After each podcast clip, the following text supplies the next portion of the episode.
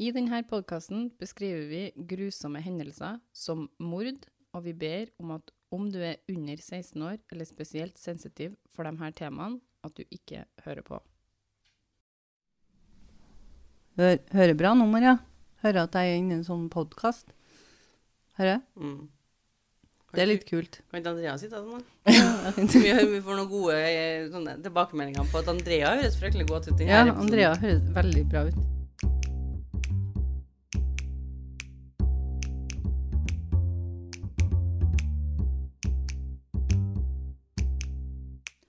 Hei, hei, alle sammen. Nå er vi klare for å ha en liten pause med OK.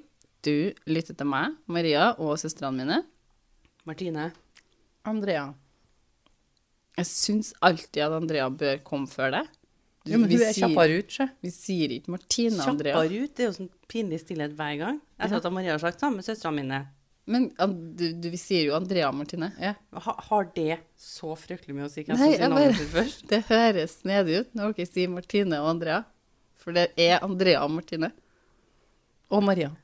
Maria kan komme både foran og bak. Ja, noen gang foran, noen gang i midten. Men det, det som blir brukt mest, er jo Maria og tvillingene. Ja, eller Andrea og Martine og hun siste vi ikke visste hvem var. Ja. Mm. Det blir brukt. Tvillingene og hun andre. Eller det der må være en av tvillingene. Ja, det er det det blir kalt. Ja, En av tvillingene. det der er en av tvillingene. Er ikke du en av tvillingene? Nei. OK, da vet ikke vi hvem du er. Da kjenner vi ikke deg. OK, så i denne episoden her så tenkte jeg bare Vi har snakka om å gi en eh, liten shout-out til en lytter. Og jeg vet, Andrea, du har hatt en du har eh, hatt lyst til å si hei til. Ja, eh, jeg syns jo det er litt hyggelig å gjøre dagen til noen litt. Jeg vet ikke hvor koselig de syns det er, men Men du syns det er jeg koselig? syns det er koselig. Ja. Jeg har veldig lyst til å bare si Hei, Kim. Vet du sitter på bussen. Kos deg med podkasten. Ja, koselig. Syns at podkasten er spennende. Ja, så bra. Hei, Kim. Hei, Kim.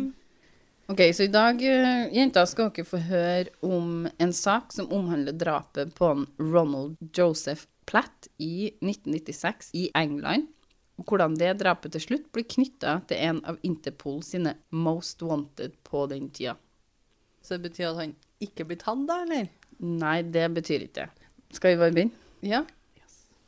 Den saken her starter 28. juli i 1996, når to fiskere er ute i den engelske kanalen og fisker. En artikkel av Gary Lou forklarer at de her to fiskerne drar opp nettet sitt og finner en kropp blant fisken i nettet. Liket er ugjenkjennelig etter å ha ligget i vannet. Men det er en mann, og han var kledd i langarma genser, bukse, brune sko og hadde ingen legitimasjon på seg. John Doe. En artikkel på Crime og Investigation forklarer at politiet finner ut at mannen har en skade i bakhodet sitt. Politiet tenker at dette er ei ulykke, at noen eh, bare har falt over bord og har drukna, og at den skaden her er kommet enten i fallet eller like etterpå. Men det var ingen som var meldt savna.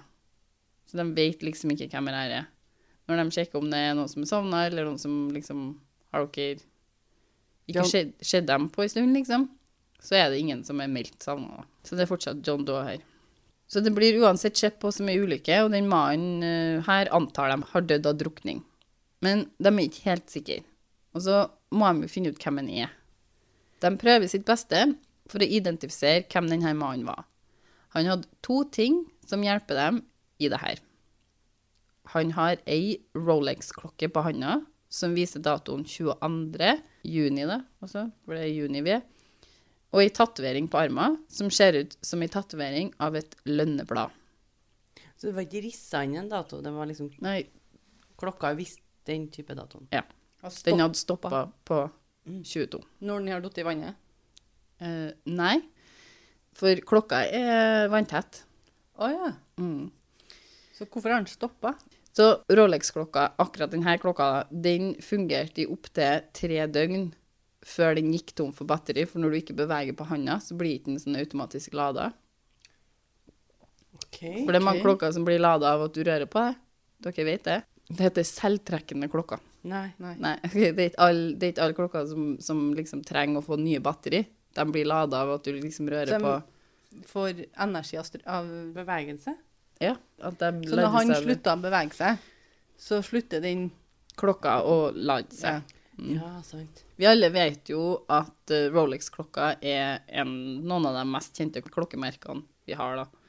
Og i en artikkel skrevet av Karen Harris så forklares det at det er i hovedsak klokka her da, som hjelper dem å identifisere hvem denne avdøde mannen er. Ja, for det er kanskje ikke så mange klokker som de selger av visse merker. Et par uker inn i denne etterforskninga så var det en av politimennene som får idé eh, om å sjekke om den klokka er ekte, først og fremst. For hvis den er ekte, så skal han ha et serienummer på seg. Og klokka er ekte, og den er vanntett, som jeg sa i stad, så den har ikke blitt ødelagt av å ligge i vannet. I artikkelen til Gary Lou så blir det forklart at de ringer til Rolex i London for å høre om det er noen mulighet til å finne ut hvem som har kjøpt akkurat den klokka her. De kan ikke hjelpe dem med dette kjøpet, men de forteller at om noen har levert den inn til reparasjon på noe som helst tidspunkt, så registrerer de det med navn og serienummer. Og akkurat den klokka her hadde vært på reparasjon. Ti år tidligere, i 1986. Ti år, men det kunne jo vært en annen eier.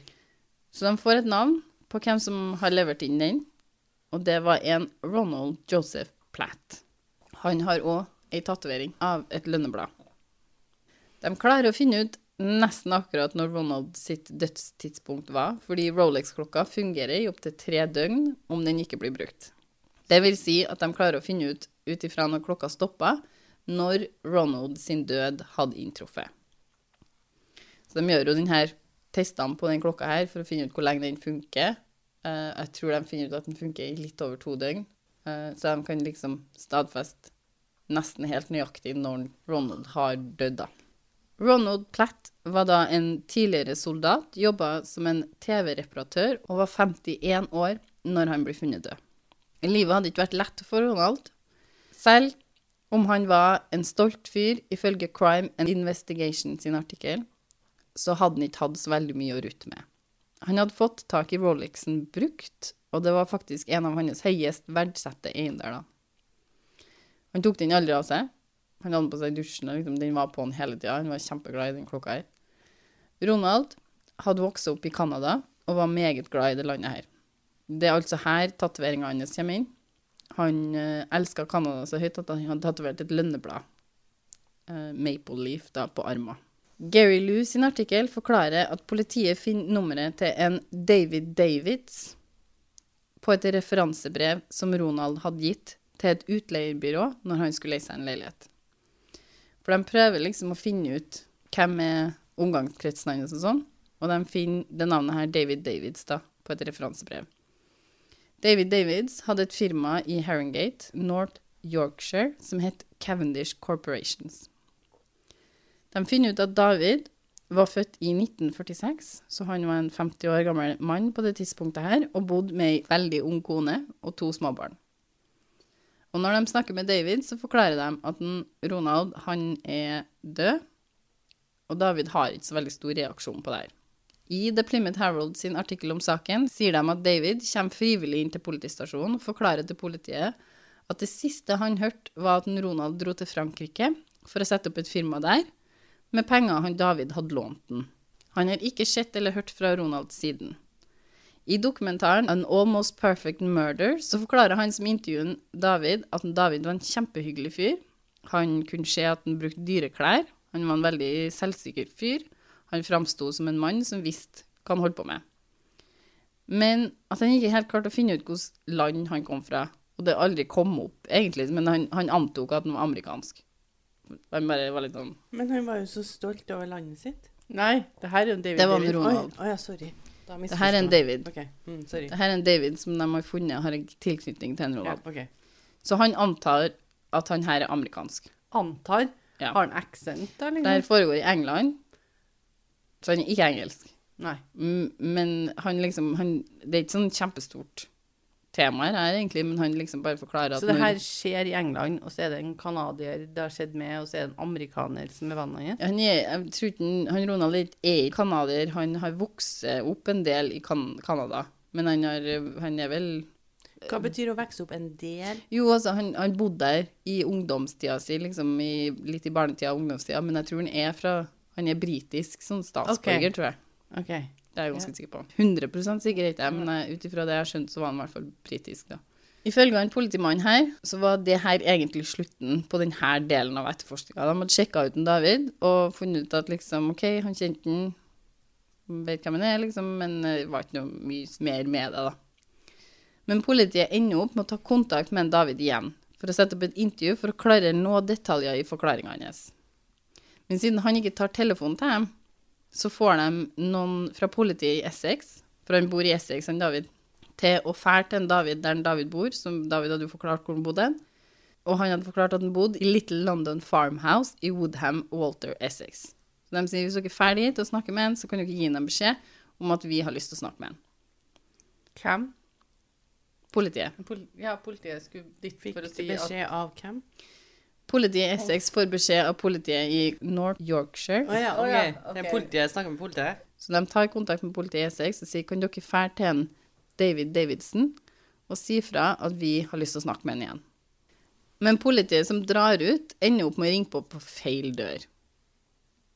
Altså, de ringer på Little London House, og ikke Little London Farmhouse, som lå ved siden av. Litt forvirrende Litt sånn dårlig kom kommunikasjon mellom de politistasjonene. Jeg vil nå si at husnavnene var litt forvirrende. Og han som fær ut, han er ikke så veldig godt kjent i det området her. Hvor mange Little London House kan det være? Nei, det var ikke så veldig mange hus på den, men, Nei, men det er det en tenker. Ja, altså det må jo være Little London House. Det høres, ut, det høres riktig ut, tenker Ja. jeg. Så politiet fra Essex ringer jo da på eh, feil hus, og et eldre par åpner og forklarer dem at de har ringt på feil hus. Det her er Little London House dere har ringt på. Det er Little London Farmhouse ved siden av dere hadde tenkt dere skulle til, liksom. Politiet spør da om ja, er det der David Davids bor? Og naboene svarer nei, nei. OK. Ok. Det er der Ronald Platt bor. OK, here Eh. it comes. Har han flytta han, David Davidson flytta inn til han, eller? Så politiet blir litt sånn her um, OK, kan du ikke beskrive han her fyren til meg? Uh, så naboene da, de beskriver fyren, og de skjønner at ok, de snakker om en Ronald, men vi snakker om en David. Det er samme fyren. De samme fyr. beskriver, de beskriver David Davids til oss nå, liksom. Så de, når de beskriver den personen som bor ved siden av seg, så beskriver de samme person som de tenker er David Davids. Men de tror heter Ronald Platt. Har han utgitt seg for å være han, eller? Politiet blir da meget mistenksom. For det er jo da en Ronald for mye i den saken her. Det er det. De finner også ut av naboene at en Ronald, som de mener bor, bor ved siden av, som en, politiet tror er en David, eier en båt som lå i Devon. OK. Politiet blir ganske overbevist om at sjansen for at en David hadde overtatt identiteten da, til han Ronald ved en tilfeldighet eh, var ganske liten. Veldig liten. Ja. Det må jo være overlagt. De finner ut at han her David da, har levd som en Ronald de siste tre årene. Tre årene. De finner førerkortet til en Ronald i hjemmet hans, og David har åpna kontoer i navnet til en Ronald, og kona hans blir kalt Noel Platt. OK. Ok, Så kona er med på det, hun òg? Er kona også den unge dama de hadde snakka om tidligere? Ja, den unge kona hans, ja. De arresterer David etter tre uker av, med overvåkning av henne. I Plymouth Herald-artikkelen så forklarer politiet seg og sier at de fant veldig mange dokument i huset til David. Og en av de dokumentene var på ei kvittering på kjøpet av et anker. Ronald blir funnet ved, eller med, et anker. Litt usikker på hvor ankeret var når de finner Ronald, men det var spor etter sink på beltet til Ronald som de kunne matche til ankeret, og spor etter lær på ankeret som blir funnet. Så jeg sunken. Festa det ankeret Ja, for å synke den ned. De mente at David hadde brukt ankeret til å få kroppen til Ronald til å synke ned i havet og bli der. De finner òg noe hår på putene inni båten som de tester, og finner ut at de kommer fra Ronald.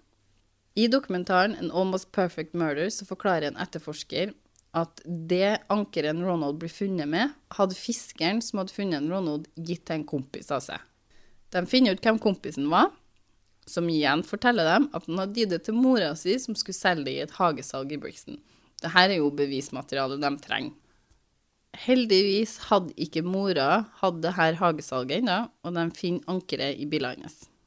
De sier videre i artikkelen i Plymouth Herald at ved å ta GPS-navigasjonssystemet med tilbake til dem som hadde laga det, så fikk de svar på hvor båten til David hadde vært, og når GPS-en hadde vært slått av. Det beviste at den båten ikke hadde vært langt unna der Ronald ble funnet. Og for å bygge opp på dette mer, så hadde de gjort tester av Rolex-klokka for å finne ut hvor lang tid det tar før den går tom for batteri, som jeg sa tidligere. Og den finner de ut er på 44 timer. Den hadde stoppa 22.6, og det betydde at Ronald hadde dødd den 20.6. Og ved hjelp av GPS-en så kan de plassere båten til en David den 20.6 i området der Ronald blir funnet den 28.6. 31.10.1997 når de arresterer David for drapet på Ronald, så tar de Noel, hun unge kona hans, på fersken. Hun hadde fått lov til å pakke bagene til ungene, og oppi dem hadde hun da pakka med seg masse gullbarer og penger. Unnskyld, gullbarer? Ja. David han hadde kjøpt opp ganske mye gullbarer uh, for en del penger, som vi kommer inn til litt senere, uh, og hadde dem litt sånn rundt omkring. Men hvordan hadde David klart å ta over identiteten til en Ronald? David han flyttet til England i 1999, og ifølge Free Library sin artikkel så møter David da Elaine Boyce, som er kjæresten til en Ronald. De møtes i, eh, eller under en fine art auction, hvor hun jobber som resepsjonist. Og David klarer å overbevise om at han er en tidligere bankmann, nåværende millionær. Elaine blir ganske sjarmert av han her David, og blir overlykkelig når han tilbyr henne en jobb etter bare en time med dialog. Elaine forteller en David om kjæresten sin Ronald, eh, hans forkjærlighet til Canada, og hvordan han var desperat etter å komme seg dit igjen. Ronald var en stillferdig mann, en hyggelig, omsorgsfull og varm mann. Og i dokumentaren An Almost Perfect Murder forklarer Elaine at hun ikke tenkte at hun kom til å jobbe så lenge for han her David. For hun og Ronald hadde tenkt å flytte til Canada om ikke så veldig lenge. Men når hun deler det her med David, så var han veldig sånn her Ja, nei, det er greit, ja, liksom. Jeg kan hjelpe dere med å spare opp penger til Canada, og liksom, du kan tjene mer hvis du jobber for meg, enn hvis du jobber her på den her fine art auction-greia, da. Og etter denne dagen på kunstauksjon så ble David, Elaine og Ronald venner. Ronald og David slo an med en gang de møttes. David foreslo ganske fort etter det her at de skal ta en del i selskapet hans, Cavendish Corporations. David forklarer at ekskona hans er ute etter ham for bidrag. Selv om ekskona var veldig rik og suksessfull, så vil ikke han da at hun skal finne ham, for at hun vil bare ha pengene hans òg.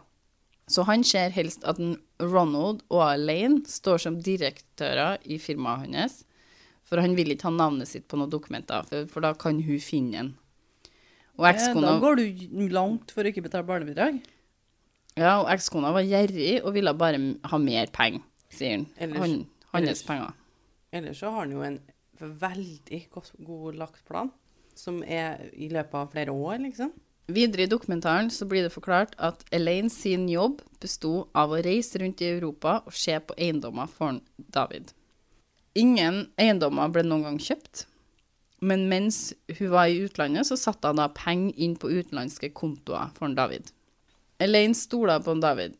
Han var da en religiøs mann og hyggelig, og han, hun så ikke noen grunn til at han ikke skulle være en anstendig mann. Hun, hun syntes den fyren her virka veldig OK, da.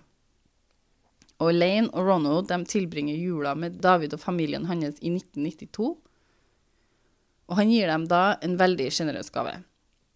Han gir dem to billetter til Canada om de drar tidlig 1993. Han gir dem hvis de drar. Ja. Så Da skal han kjøpe to billetter til dem for å dra til Canada. Hvorfor setter han et, et sånn Dere får dem her hvis dere drar tidlig? Elaine skjønner jo heller ikke helt hvorfor de må dra så fort, og er litt sånn Det var noe Hvorfor må det liksom skje så fort? Men David selger dem virkelig på denne ideen om Canada, og det her er jo Ronald sin drøm. Eh, De må bare få liksom ræva i gir. Fær. Fær tidlig nå. Jeg skal kjøpe billettene til dere. Så de blir enige om at de skal dra da til Canada februar 1993. Det eneste David vil ha i gjengjeld, er at de fortsetter å stå som direktører på selskapet.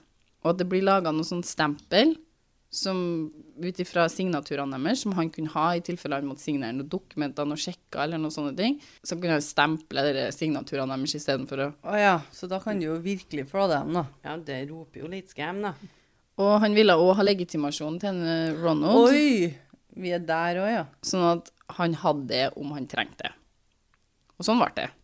Altså, de stoler jo sikkert. Det er jo ikke sånn å få en mail, scam-mail.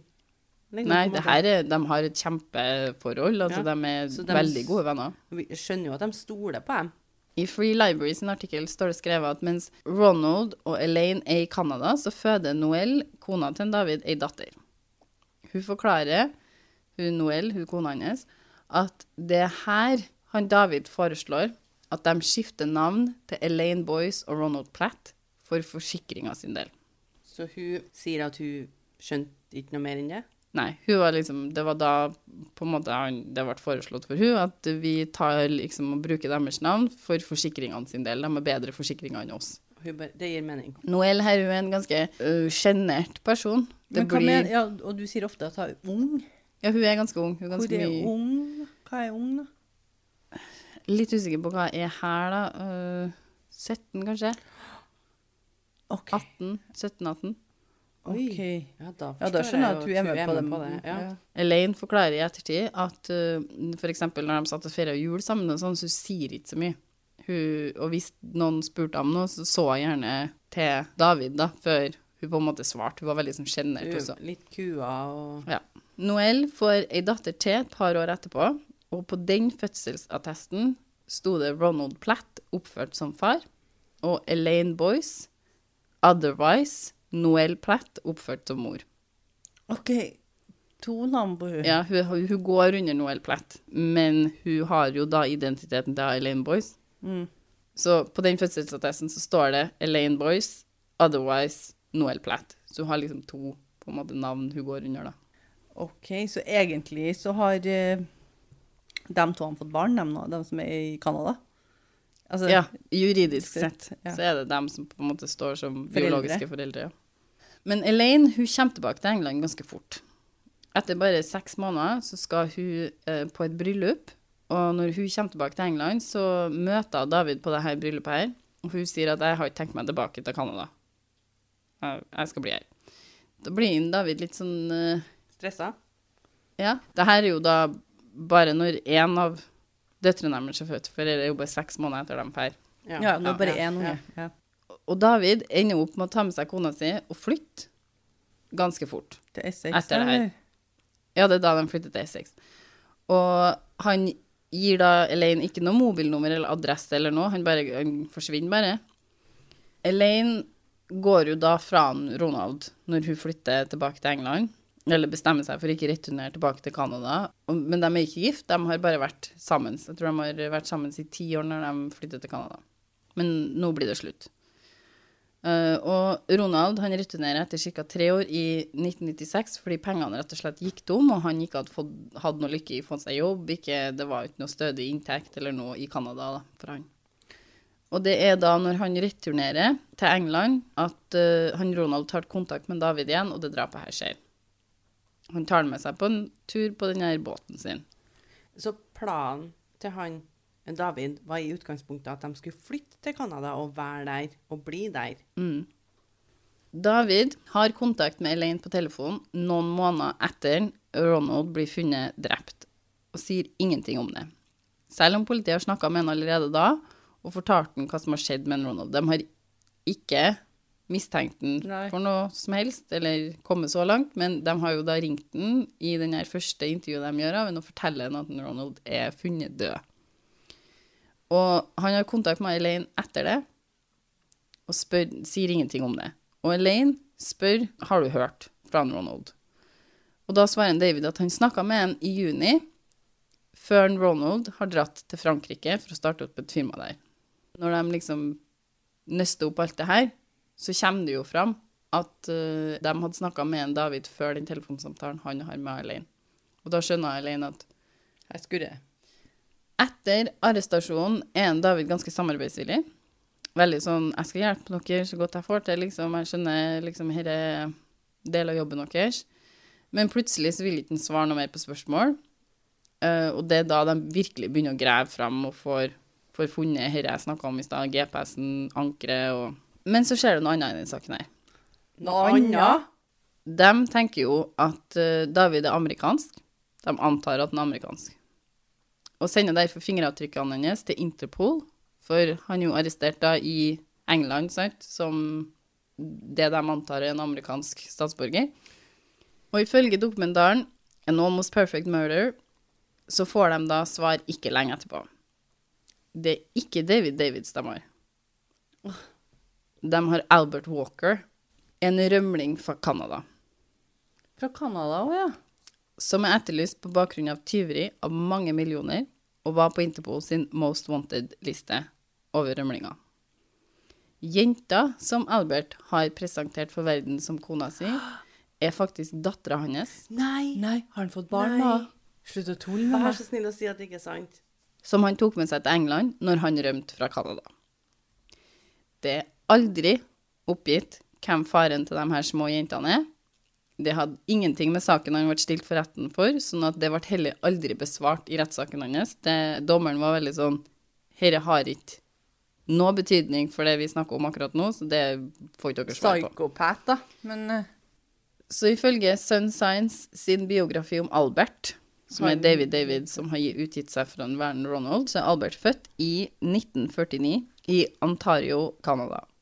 Han hadde mange forskjellige jobber og endte til slutt opp som en bankteller.